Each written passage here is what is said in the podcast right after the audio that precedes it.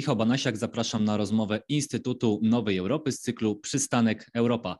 Od początku rosyjskiej agresji na Ukrainę stawiamy sobie szereg pytań dotyczących bezpieczeństwa Polski, dotyczących gwarancji bezpieczeństwa NATO i tego, czy sojusz jest gotowy na ewentualne starcie z Rosją. Tych pytań nie ubywa, wręcz jest ich coraz więcej, a odpowiedzi przynajmniej na część z nich poszukam u generała broni rezerwy, doktora Mirosława Różańskiego, byłego dowódcy generalnego rodzajów Sił Zbrojnych, a obecnie prezesa Fundacji Bezpieczeństwa i Rozwoju StratPoints. Dzień dobry. Dzień dobry Państwu. Obserwujemy od pewnego czasu wzmożony ruch, jeśli chodzi o tę wschodnią flankę NATO. Chociażby nad polskim niebem pojawiło się sporo samolotów i tych bojowych, i tych transportowych. Mamy wspólne ćwiczenia marynarki natowskiej na Bałtyku. Do Europy zostało przeniesione dowództwo piątego korpusu. Do Polski trafiły wreszcie baterie Patriot. Czy to jeszcze należy czytać jako formę odstraszania Rosji? Czy to już jest przygotowywanie się sojuszu do ewentualnego bezpośredniego konfliktu z Rosją? Ja bym tego jeszcze nie podsumował jako już e, gotowość do e, odstraszania Rosji. E, pozwolę sobie sprecyzować, że w Polsce nie jest rozmieszczone dowództwo piątego korpusu, tylko tak naprawdę jego wysunięty element dowodzenia. Miałem na myśli nie konkretnie Polskę, a Europę, bo większość amerykańskiego personelu dowództwa piątego korpusu została relokowana do Niemiec. Okej, okay, natomiast e, e, tylko doprecyzujmy, że w Polsce, w Poznaniu znajduje się wysunięty element tego e, dowództwa. E, dzisiaj e, środowisko bezpieczeństwa, w którym się znaleźliśmy, e, chyba nie tylko my jako Polska, ale cała wschodnia flanka NATO, jest zupełnie odmienne od tego niż pięć lat czy dekada wstecz te e, przypuszczenia, te oceny, że Rosja e, może być e, tym państwem, który zagraża bezpieczeństwu, dzisiaj się zmaterializowały. Wszyscy ci, którzy wątpili w to, a nawet sądzili, że pewne kwestie można rozstrzygnąć na drodze dyplomatycznej, muszą zrewidować swoje spojrzenie. Rosja jest państwem agresywnym, Rosja jest państwem, które nie dotrzymuje słowa, Rosja jest państwem, które nie przestrzega konwencji i zasad jeżeli chodzi o prowadzenie e, wojny. Obserwujemy to w tej chwili na Ukrainie. E, jeżeli zadamy sobie pytanie, czy e, sojusz zrobił wszystko, to uważam, że tak naprawdę sojusz jest po pierwsze, tak paradoksalnie, ta wojna na Ukrainie spowodowała bardziej zjednoczony. Rosji zależało na tym, żeby rozwijać państwa Unii Europejskiej, Sojuszu Północnoatlantyckiego. Stało się to wręcz odwrotnie i to jest e, taki sygnał, który dla nas jest, e, powiem wprost, e, pozytywny, bo państwa NATO zaczynają mówić jednym głosem. Przytoczę chociażby taki przykład, ostatnie decyzje, jeżeli chodzi o stronę niemiecką, o zwiększeniu nakładów na bezpieczeństwo i na obronę, na zwiększenie modernizacji technicznej Bundeswehry jest chyba dobrym sygnałem bo to był jeden z państw, jedno z państw, które niestety, ale e, tak powściągliwie podchodziło do tych kwestii zobowiązań ze szczytu Walii. E, natomiast e, jeżeli spojrzymy na kwestię taką, bo jednokrotnie też sam sobie zadaję pytanie i jestem adresatem takich pytań, czy my już jesteśmy bezpieczni? Ja uważam, że dzisiaj jest sytuacja taka, która, przepraszam za określenie, dojrzała do momentu takiego, że Sojusz Północnoatlantycki powinien dokonać takiego swojo, swoistego force show. My już nie powinniśmy być bardzo poprawni, się zastanawiać, czy wpisywać się w retorykę Putina, że jeżeli zbliżymy instalacje wojskowe, jednostki wojskowe do naszej e, wschodniej granicy, e, e, jeżeli chodzi o NATO, to w jakiś sposób wzbudzimy emocje po stronie Putina. U Putina już są emocje, że tak powiem, tak mocno rozdrgane, że w tej chwili chyba tylko i wyłącznie powinniśmy pokazywać siłę i ją e, demonstrować.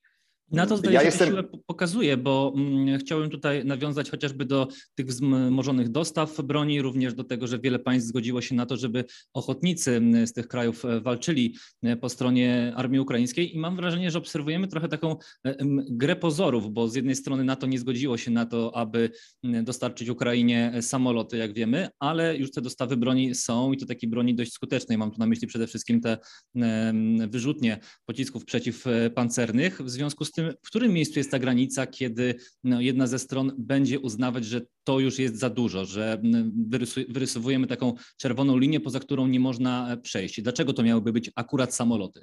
Jeżeli pan pozwoli, to tylko krótko zakończę tę moją myśl dotyczącą tego, co powinno być po stronie e, Sojuszu Północnoatlantyckiego.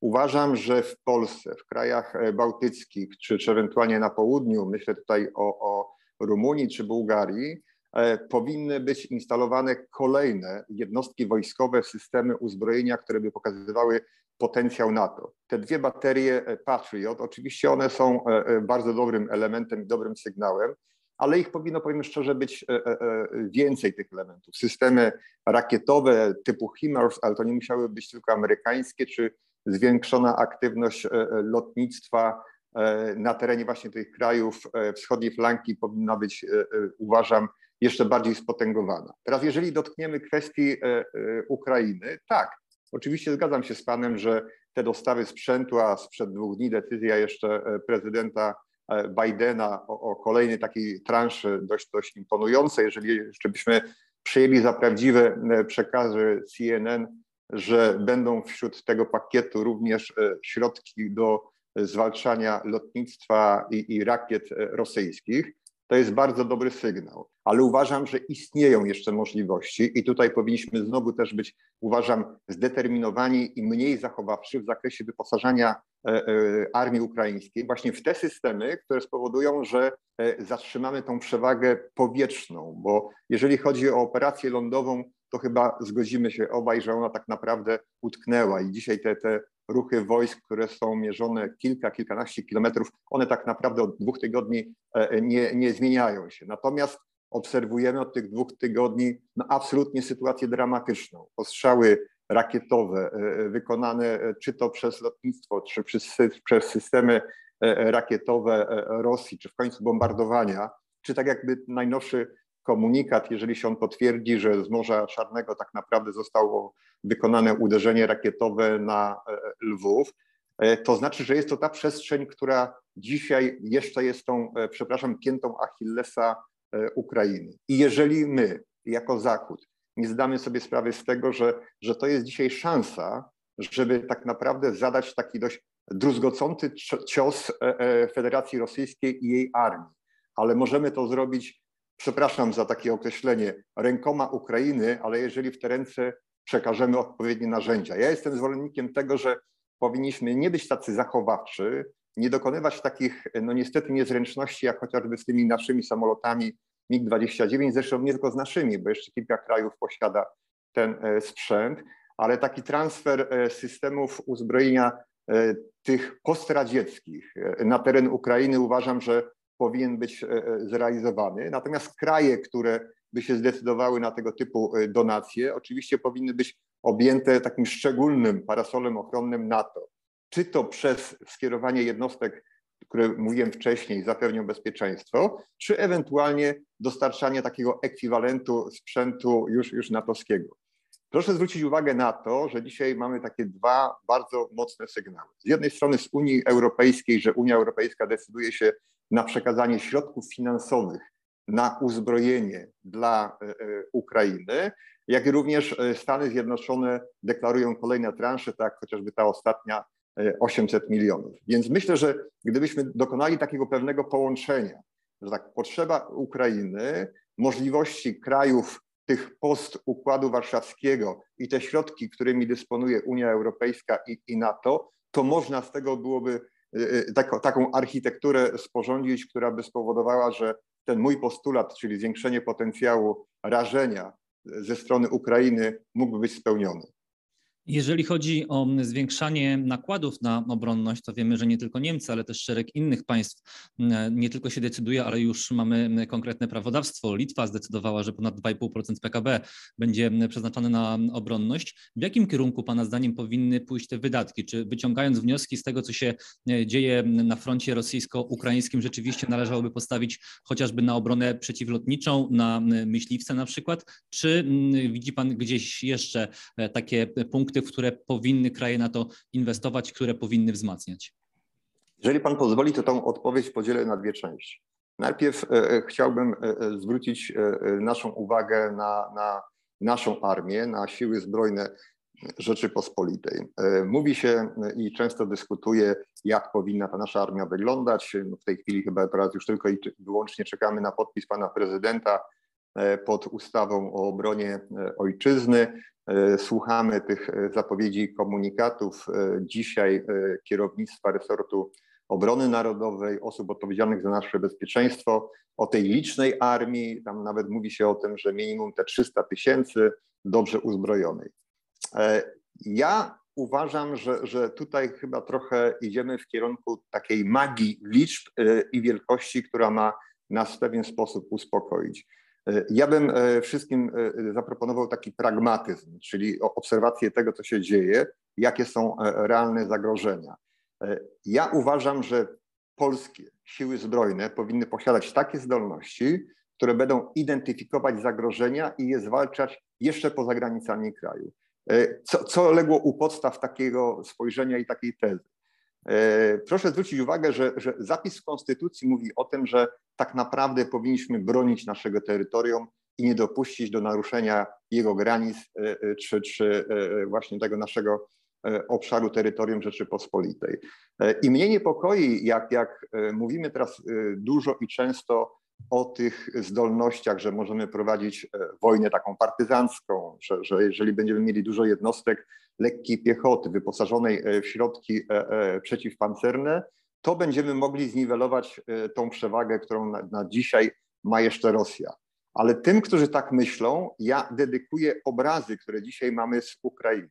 Jeżeli chcemy mieć zniszczone miasta typu Lublin, Siedlce, Suwałki, e, e, Białystok i, i, i tak dalej, no to znaczy, że możemy się skłonić do tego, że chcemy mieć armię liczną, wyposażoną w granatniki przeciwpancerne i najprawdopodobniej będziemy skutecznie może prowadzić tą obronę, ale jeżeli nie będziemy mieli tych dwóch wymiarów, o których powiedziałem wcześniej, czyli zdolność do z jednej strony identyfikowania zagrożeń, czyli systemy na przykład satelitarne prowadzące rozpoznanie. Jeżeli nie będziemy mieli środków rażenia, które pozwolą zabezpieczyć nasze niebo przed e, e, napadem i lotnictwa, i systemów rakietowych, to co dzisiaj dzieje się na Ukrainie. To, to, to więc uważam, że dzisiaj powinniśmy tam dedykować nasze zaangażowanie finansowe i takie intelektualne, żeby budować tego typu zdolności, bo e, wrócę do, do dzisiaj tych takich może uspokajających sygnałów, że jeżeli będziemy mieli, e, krótko mówiąc, te dwie baterie Patriot, to, to ja słyszałem takie wypowiedzi, to tu już jesteśmy bezpieczni. No nie, nie jesteśmy bezpieczni. My powinniśmy stworzyć właśnie przede wszystkim system, który zabezpieczy nas przed tego typu uderzeniami, które jak się okazuje mogą mieć miejsce z odległości kilkuset, a chcę przypomnieć nawet i kilku tysięcy kilometrów bo czy to systemy Iskander, czy to systemy Buława, które są systemami rakietowymi, które znajdują się na okrętach podwodnych, są tymi, które mogą razić Polskę właśnie nawet z akwenu Morza e, Czarnego, czy, czy ewentualnie e, z północy, gdzie, gdzie bazują też e, okręty rosyjskie. Teraz, jeżeli pan pozwoli, jeżeli chodzi o, o sojusz. Ja myślę, że w sojuszu powinna się odbyć taka głęboka dyskusja w zakresie tego, abyśmy dokonali takiego podziału kompetencji. 30 e, państw członkowskich NATO to są kraje o różnym potencjale e, militarnym, e, gospodarczym, ekonomicznym. I nie można na przykład porównywać Czarnogóry do Polski, do, do, do Niemiec czy do Stanów Zjednoczonych, a to też jest kraj, który jest członkowskim NATO, tak? którego też powinniśmy bronić w ramach artykułu 5 albo liczyć na ewentualnie wsparcie. I myślę, że tutaj pewne takie e, e, dyskusje o charakterze, że sami sobie, chociaż mam z tyłu głowy oczywiście artykuł trzeci, który mówi o tym, że każde państwo powinno budować swój własny potencjał obronny i go utrzymywać, ale jednak powinniśmy dojść do, do jednak takiego konsensusu, żebyśmy wiedzieli, kogo, na co stać i w jaki sposób możemy, że tak powiem, stać się taką jedną drużyną natowską, a nie każdy sobie. I to, to, to mnie niepokoi i, i, uważam, że to powinien być taki głos e, dyskusji na przyszłość, żebyśmy tą kompetencję jednak e, rozłożyli. Mówił Pan o tym, że nie należy, już się przekonaliśmy, ustępować Władimirowi Putinowi i że on rozumie tylko argument siły. Czy w związku z tym odpowiedzią na te jego żądania o wycofaniu arsenału NATO do granic sojuszu z 1997 roku powinno być poszerzenie sojuszu o Finlandię i Szwecję? Znaczy, jeżeli chodzi o poszerzenie, to tutaj jestem zwolennikiem tego, co, co w przestrzeni publicznej obserwujemy i słyszymy, że to powinna być suwerenna e, e, decyzja każdego z krajów, ale gdybym e, ja był pytany o zdanie, to oczywiście jestem za tym, żeby kraje skandynawskie w komplecie, czyli krótko mówiąc, żeby Finowie i Szwedzi dołączyli do tego segmentu skandynawskiego do, do Norwegii, co by spowodowało, że mielibyśmy, że tak powiem, taki zdecydowanie bardziej rozszerzony front, jeżeli chodzi o, o kraje e, e, NATO, powtóre myślę, że potencjał obu tych krajów, jego doświadczenie byłyby wartością dodaną, które by zwiększyły potencjał Sojuszu Północnoatlantyckiego, nawet w tym moim postulacie dotyczącym właśnie, żebyśmy się zajmowali każdy pewnym obszarem, w którym jesteśmy dobrzy, a zdajmy sobie sprawę, że ten, ta flanka taka północna to jest specyficzny E, teren, jeżeli chodzi o e, e, działanie.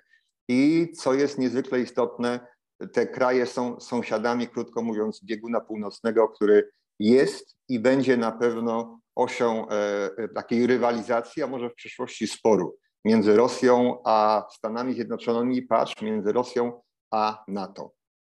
To jeszcze na koniec zapytam Pana o tę bieżącą wojnę. Co NATO jeszcze może zrobić, żeby pomóc Ukrainie, no i tym samym oczywiście pomóc sobie, żeby ta wojna nie rozlała się dalej? I tutaj pośrednio pytam też o te propozycje ze strony polskiej dotyczącą rozlokowania na Ukrainie, nie wiadomo dokładnie gdzie i w jakiej postaci, ale wojsk sojuszu, które miałyby nie wchodzić w bezpośredni konflikt, ale które miałyby pilnować porządku.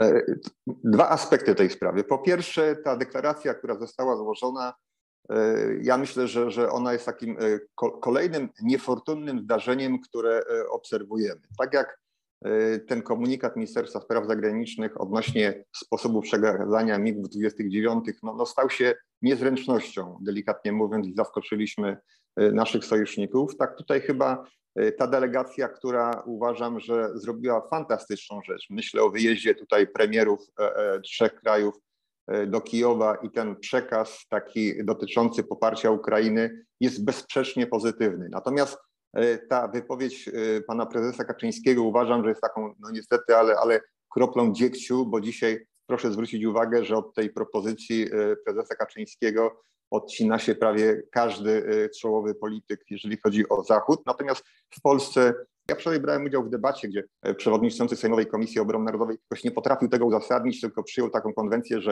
e, e, wszyscy potrafią krytykować, a nic zaproponować. Więc ja odpowiadając teraz na pańskie pytanie, też chcę powiedzieć, co jeszcze jako NATO możemy zrobić. Jeszcze raz powtórzę, nie wyobrażam sobie tego, abyśmy wysłali naszych żołnierzy natowskich w obecnym stanie rzeczy. Gdyby nastąpił rozejm, gdyby za, zatrzymane zostały te działania e, wojenne, to jest możliwe i najlepiej, gdyby to jeszcze było pod e, flagą ONZ. Ale, ale to jest mało prawdopodobne. Pamiętajmy, że z jednej strony Rosja i Chiny są stałymi członkami Rady, więc najprawdopodobniej Rosja będzie wetowała każdą tego typu inicjatywę, co będzie kłopotem, żeby uchwalić tego typu rezolucję. Natomiast to już przebrzmiało w mojej wypowiedzi, ale powiem jeszcze raz bardzo mocno. Powinniśmy dokonać e, wszelkich możliwych starań, nie w zakresie tylko i wyłącznie taki, takiego werbalnego przekazu, ale możliwości realnego przekazania e, stronie ukraińskiej broni, którą już nie będziemy tylko nazywali, że ona jest defensywna. Nazywajmy po prostu broni, która pozwoli e, przede wszystkim zapanować nad tym, co się dzieje w przestrzeni powietrznej, czyli krótko mówiąc systemy przeciwlotnicze, przeciwrakietowe. Nawet wróciłbym do tego, e, przepraszam, projektu, który był związany z przekazaniem e, samolotów tych postradzieckich, które mogłyby wejść na wyposażenie dzisiaj sił powietrznych Ukrainy, tak żeby podjąć skuteczną walkę właśnie z tymi środkami napadu powietrznego. To jeszcze jest przed nami. Uważam, że to powinien być kolejny krok wzmocnienia właśnie potencjału armii ukraińskiej po to, powtórzę jeszcze raz, aby zadać maksymalne straty e, armii Federacji Rosyjskiej tam, na terenie Ukrainy, a nie czekać, aż e, ten, ten niedźwiedź, że tak powiem, jednak spojrzy w kierunku zachodnim i, i sięgnie po kolejne kraje bałtyckie, a może nawet i po Polskę. Bardzo serdecznie dziękuję. Generał broni rezerwy dr Mirosław Różański, były dowódca generalny rodzajów sił zbrojnych, a obecnie prezes Fundacji Bezpieczeństwa i Rozwoju StratPoints. Dziękuję Państwu.